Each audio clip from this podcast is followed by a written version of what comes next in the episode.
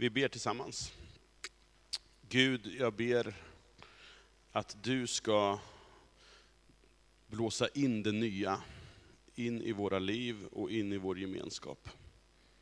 Kom heligande med ditt liv. Amen.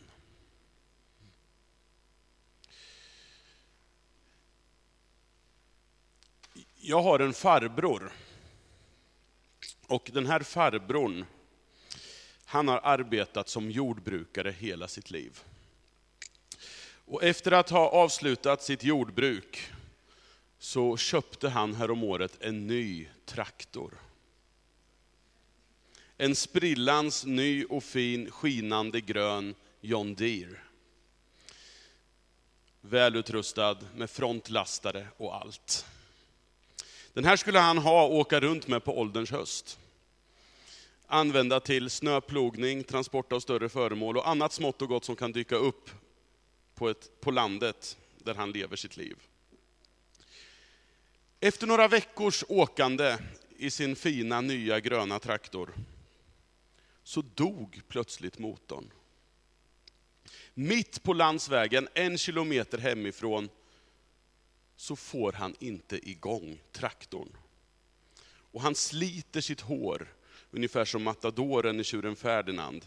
För han får inte igång traktorn. Han tittar i motorn, allting verkar vara intakt. Han hämtar sin batteriladdare, inget fel på batteriet. Den står där den står. Aldrig under ett helt liv med traktorer som arbetsredskap har han varit med om något liknande. Och så händer det med en helt ny, grön och fin John Deere. Den här traktorn är ju fortfarande ganska bekväm att sitta i. Man kan lyssna på radio i den.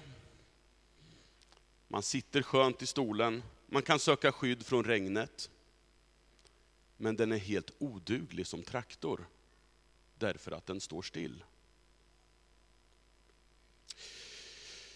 Du befinner dig just nu på, ett, på en form av ett födelsedagskalas, skulle man kunna säga. Jag vet inte om ni har känt den stämningen i gudstjänsten, men vi har ju ett band här som spelar och det är fullt med folk och vi firar. Idag är det pingstdagen. Det är en av de allra viktigaste helgerna i den kristna kalendern. Det som hände på den första kristna pingstdagen utgjorde nämligen födelsen av den rörelse som vi kallar den kristna församlingen. Jag vill tillsammans med er läsa ur Lukas skildring av de här, de här händelserna i Apostlagärningarna. Och vi ska gå till kapitel 2 i Apostlagärningarna och vers 1 till 11. Och vi gör så att ni får gärna stå upp så ni får ner lite syre i benen. Och så ska vi läsa om vad som ägde rum den där första pingstdagen när den här rörelsen som vi är en del av föddes. När pingstdagen kom var de alla församlade. Då hördes plötsligt från himlen ett dån som av en stormvind och det fyllde hela huset där de satt. De såg hur tungor som av eld fördelade sig och stannade på var och en av dem. Alla fylldes av helig ande och började tala andra tungomål med de ord som anden ingav dem. I Jerusalem bodde fromma judar från alla länder under himlen. När dånet göd samlades hela skaran och förvirringen blev stor när var och en hörde just sitt språk talas. Utom sig av förvåning sa de, men är de inte galileer allesammans, de här som talar? Hur kan då var och en av oss höra sitt eget modersmål talas? Vi är parter, meder, elamiter. Vi kommer från Mesopotamien, Judeen och Kappadokien, från Pontus och Asien, från Frygien och Pamfylien, från Egypten och trakten kring Kyrene i Libyen. Vi har kommit hit från Rom, både judar och proselyter. Vi är kretensare och araber. Ändå hör vi dem tala på vårt eget språk om Guds stora gärningar. Varsågod och sitt.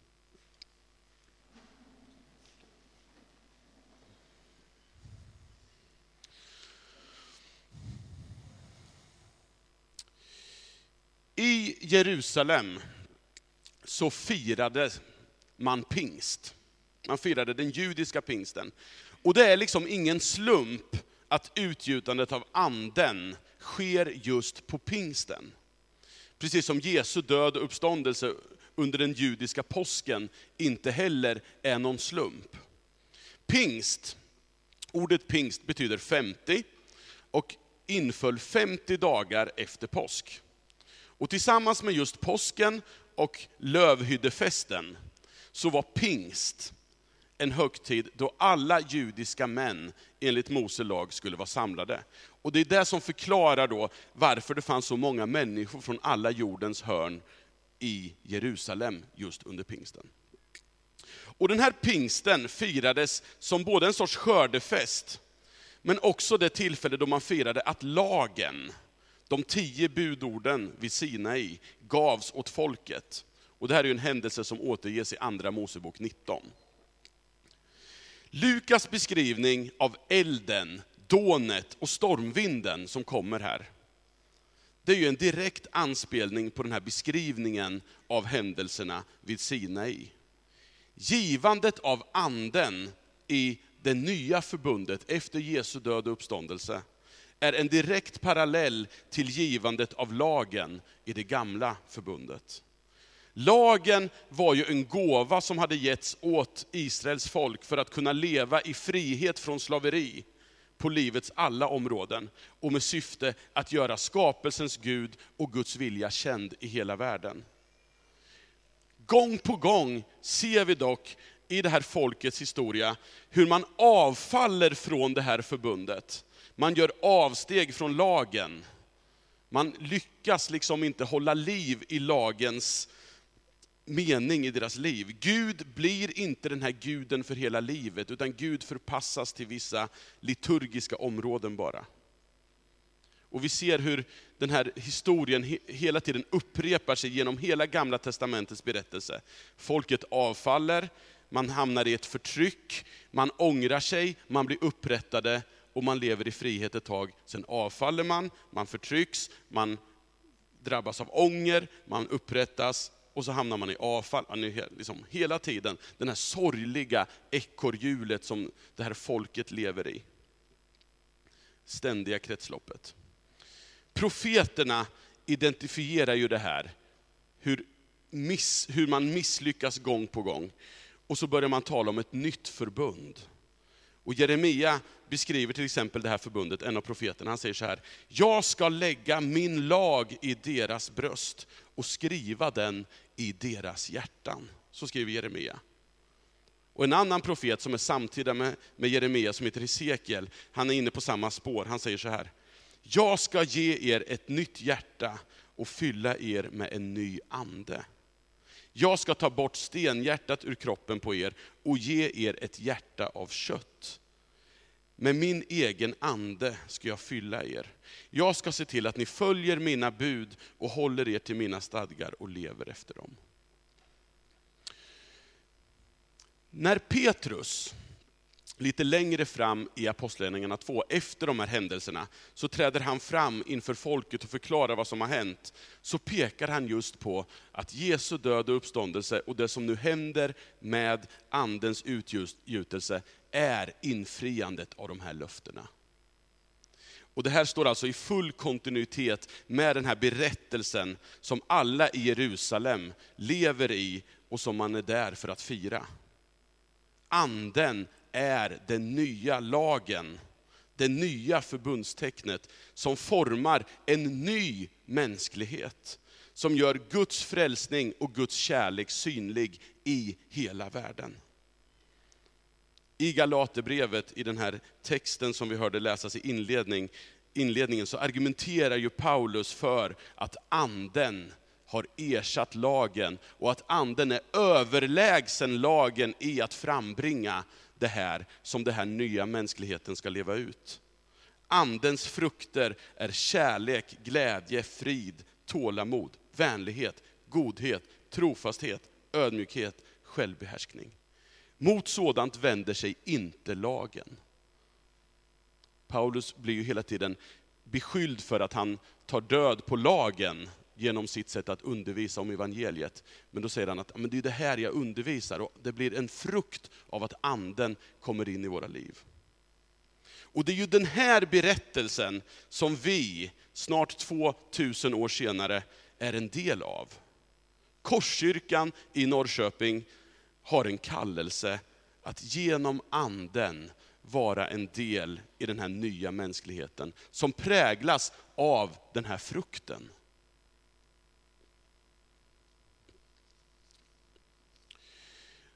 Att predika om anden tycker jag inte är särskilt enkelt. Det här med anden och andlighet kan väcka väldigt olika reaktioner hos oss. Anden är ju den tredje personen i gudomen. Fader, son och helig ande. Och när vi pratar om Fadern och Sonen så kanske vi har lite lättare att förhålla oss till det. Men det här med anden, det känns lite svårfångat, kanske lite flummigt. Icke desto mindre så är det alldeles uppenbart att församlingen, du och jag, är helt beroende av andens kraft, andens närvaro, andens ledning för att vara den här mänskligheten i världen som vi är kallade att vara. Det är genom anden som vi dras in i gemenskapen med Gud. Men också desto mer angeläget att prata om vad sann andlighet är och hur den tar sig uttryck. Anledningen till att talet om anden och andlighet, det som ibland lite slarvigt går under samlingsnamnet karismatik, det är ju att det så väldigt lätt kan missbrukas. Genom historien så finns det ju otaliga exempel på hur olika grupper klassat varandra som mer eller mindre andliga. Och man har ofta hamnat i ett märkligt jämförande av erfarenheter och spektakulära manifestationer. Kanske har vi själva mött människor som använt en viss vokabulär, och på det sättet så får man en känsla av att de framstår som mera andliga och man kanske driver igenom sin egen agenda med märklig argumentation som att Gud har sagt det här till mig, eller de andra förstår inte det profetiska skeendet vi nu lever i. Sådana där liksom, sätt att prata som gör att människor hamnar i en annan position. Knutby är ett sånt där exempel vi har i, i liksom vår nutid, eller det är ju 10, 12, 13 år sedan i och för sig. Men, men där, man, där, där det fanns det här sättet att använda andlighet för att missbruka sin position och funktion. Den missbrukade andligheten är till sin karaktär klättrande. Det vill säga, den söker sig hela tiden uppåt och går egentligen ut på att själv vara Gud. Oavsett hur fina och fromma ord vi klär den i. Den klättrande andligheten kan verka väldigt from. Men frukten av den klättrande andligheten blir alltid splittring och segregering. Eftersom det är en andlighet där vi blir upptagna med att bygga vårt eget andliga varumärke. Två berättelser i början av Bibeln illustrerar den här klättrande andligheten, och som är en del av att vara del i den gamla mänskligheten, skulle man kunna säga. Vi möter den i ormens ord, där han talar med Eva vid kunskapens träd, i första Moseboks början. Ni kommer inte att dö, men Gud vet att den dag ni äter av frukten öppnas era ögon och ni blir som gudar. Det här är en frestelse som Eva och Adam inte kan stå emot. Tänk att få bli någonting annat än människa. Man nöjer sig inte med att vara människa, utan man lockas av att själva få vara som Gud. Man väljer den klättrande andligheten som blir självcentrerad och därmed splittrande. Plötsligt så upptäcker de sin nakenhet och man gömmer sig för varandra. Frukten av den klättrande andligheten är distans mellan dem. Den andra berättelsen som jag tänker på hittar vi i Första Mosebok 11. Där människornas teknologiska utveckling gör det möjligt att bygga ett så högt torn att det skulle nå, som det står, ända upp i himlen. Vårt namn blir känt och vi slipper vara skingrade över hela jorden. Det finns liksom ingen hejd på människornas tilltro till sin egen förmåga att skapa sin egen framtid, frikopplad från Gud och Guds vilja. Istället för att självmant sprida sig runt världen och där tjäna Gud, så, sänder Gud, så, så, så måste Gud sända språkförbistring mitt i det här byggandet. Därav namnet Babels torn. Man började babbla, man förstod inte vad man sa. Och när de inte förstår varandra, då skapas segregering och splittring. Och de splittras och det blir inget av det här bygget. Och den här sortens klättrande andlighet kan även, precis som jag antydde nyss, få insteg i kristna sammanhang och församlingar. I Nya Testamentet möter vi genom Paulus brev andligheten i Korint, som under kristna förtecken präglas av det här klättrandet. Församlingen blir så segregerad och splittrad att de enligt Paulus inte ens kan äta Herrens måltid tillsammans under värdiga former.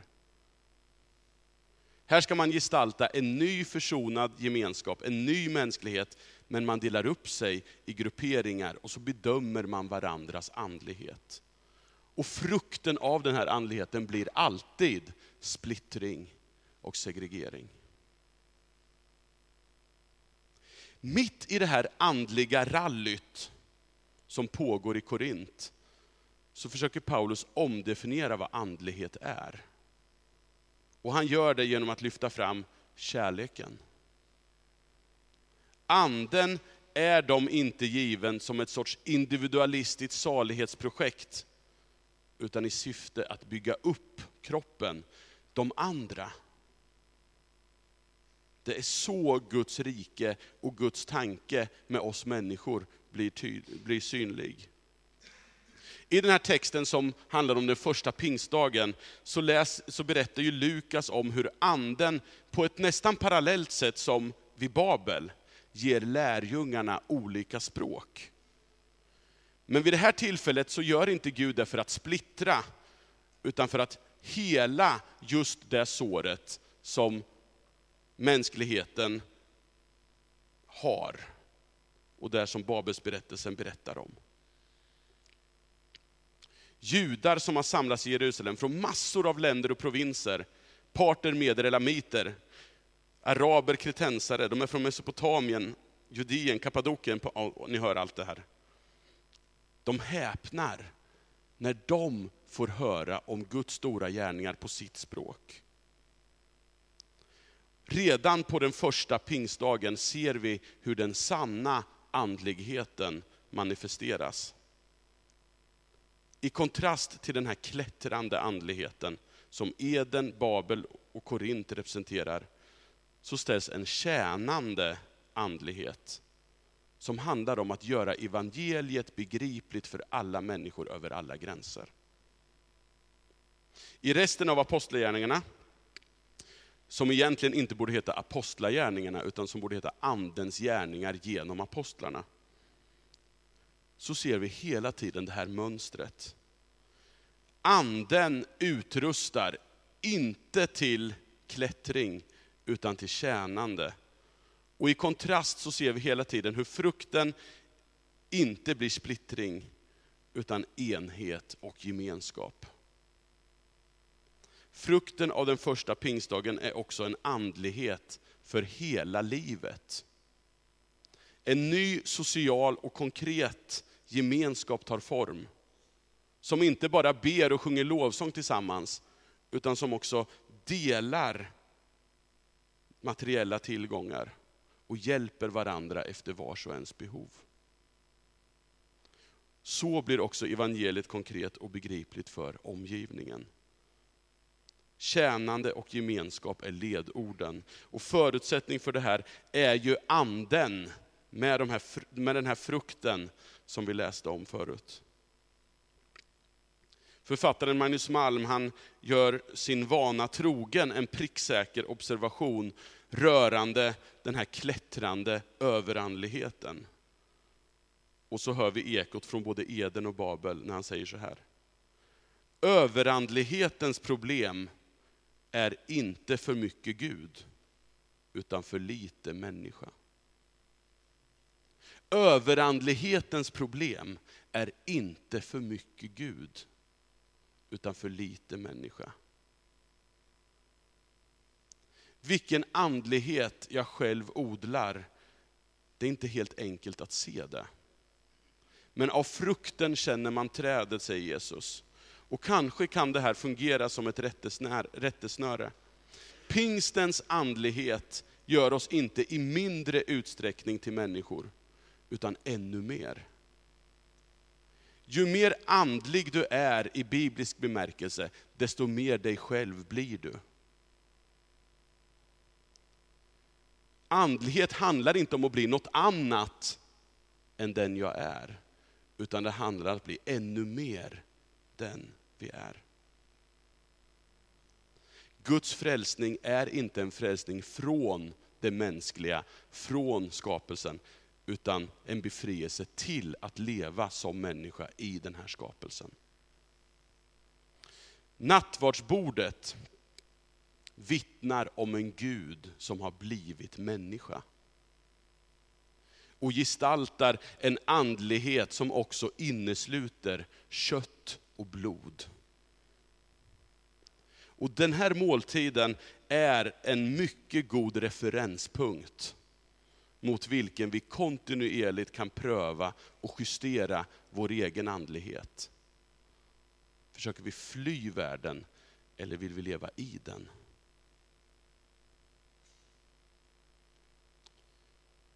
I Korintsebrevet, just det här brevet dit Paulus, som Paulus skriver till de här klättrande människorna, så ges den här instruktionen som vi alltid läser när vi firar måltiden. Den natten då Herren Jesus blev förrådd tog han ett bröd, tackade Gud, bröt det och sa. Och det är ju naturligtvis ingen slump att det är till en sån gemenskap som han måste beskriva det här. Så materiell är Guds frälsning.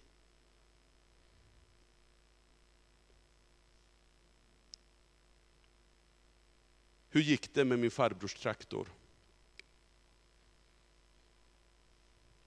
Efter lång tid och undersökande så kom han fram till vad problemet var. Och ni har antagligen redan tänkt helt rätt. Han hade helt enkelt slut på diesel. Den självklara lösningen var det sista han kom att tänka på. När han tyckte, och, och när han kom på det här, så blev det ju oerhört generande och pinsamt för honom. Den här bilden är ju extremt banal, jag hoppas att ni ursäktar det. Men precis som den här traktorn utan diesel, så kan en församling absolut fylla vissa funktioner. Även om inte anden skulle få utrymme. Vi kan sjunga lite, vi kan få lite social stimulans, vi kan lyssna till någon som delar några fina tankar och så. Men vi kan aldrig vara i det som är vårt syfte. En ny mänsklighet, för världens skull, en försmak på Guds rike, utan anden. Vi kan ha hur goda strategier som helst hur högt flygande planer kring lokaler som helst. Vi kan ha hur goda strukturer för både små grupper och servicegrupper. Och vi lägger en del tid på sånt. Och det med rätta. Men utan att anden ges utrymme, så är vi i dess rätta bemärkelse inte församling. Och vi riskerar att reduceras till en introvert klubb för inbördes beundran. Låt oss inte av rädsla för andlighetens avarter hamna i det andra diket, där vi istället strukturerar bort vårt beroende av Guds friska vind och Guds närvaro. Utan låt oss vara en gemenskap som ber om att den helige Ande ska komma och blåsa in sin friska vind i våra liv, så att vi utrustas till tjänst och gemenskap med varandra. Vi ber. Kom helig Ande. Du som är utgjuten. Och du som har getts till oss, var och en. Tack för att vi får ha fått samma ande att dricka. Och vi ber om att den ande som du har gett oss, din heliga ande, ska få mer utrymme i våra liv. Ska få mer utrymme i de relationer vi har. Och ska få mer utrymme i vår gemenskap här i Korskyrkan. Och vi ber om att vi i den tid som ligger framför, i de processer vi lever i, att din ande ska tala och ge oss kraft och mod att följa dig och våga vägen vidare. Vi ber så i Jesu namn. Amen.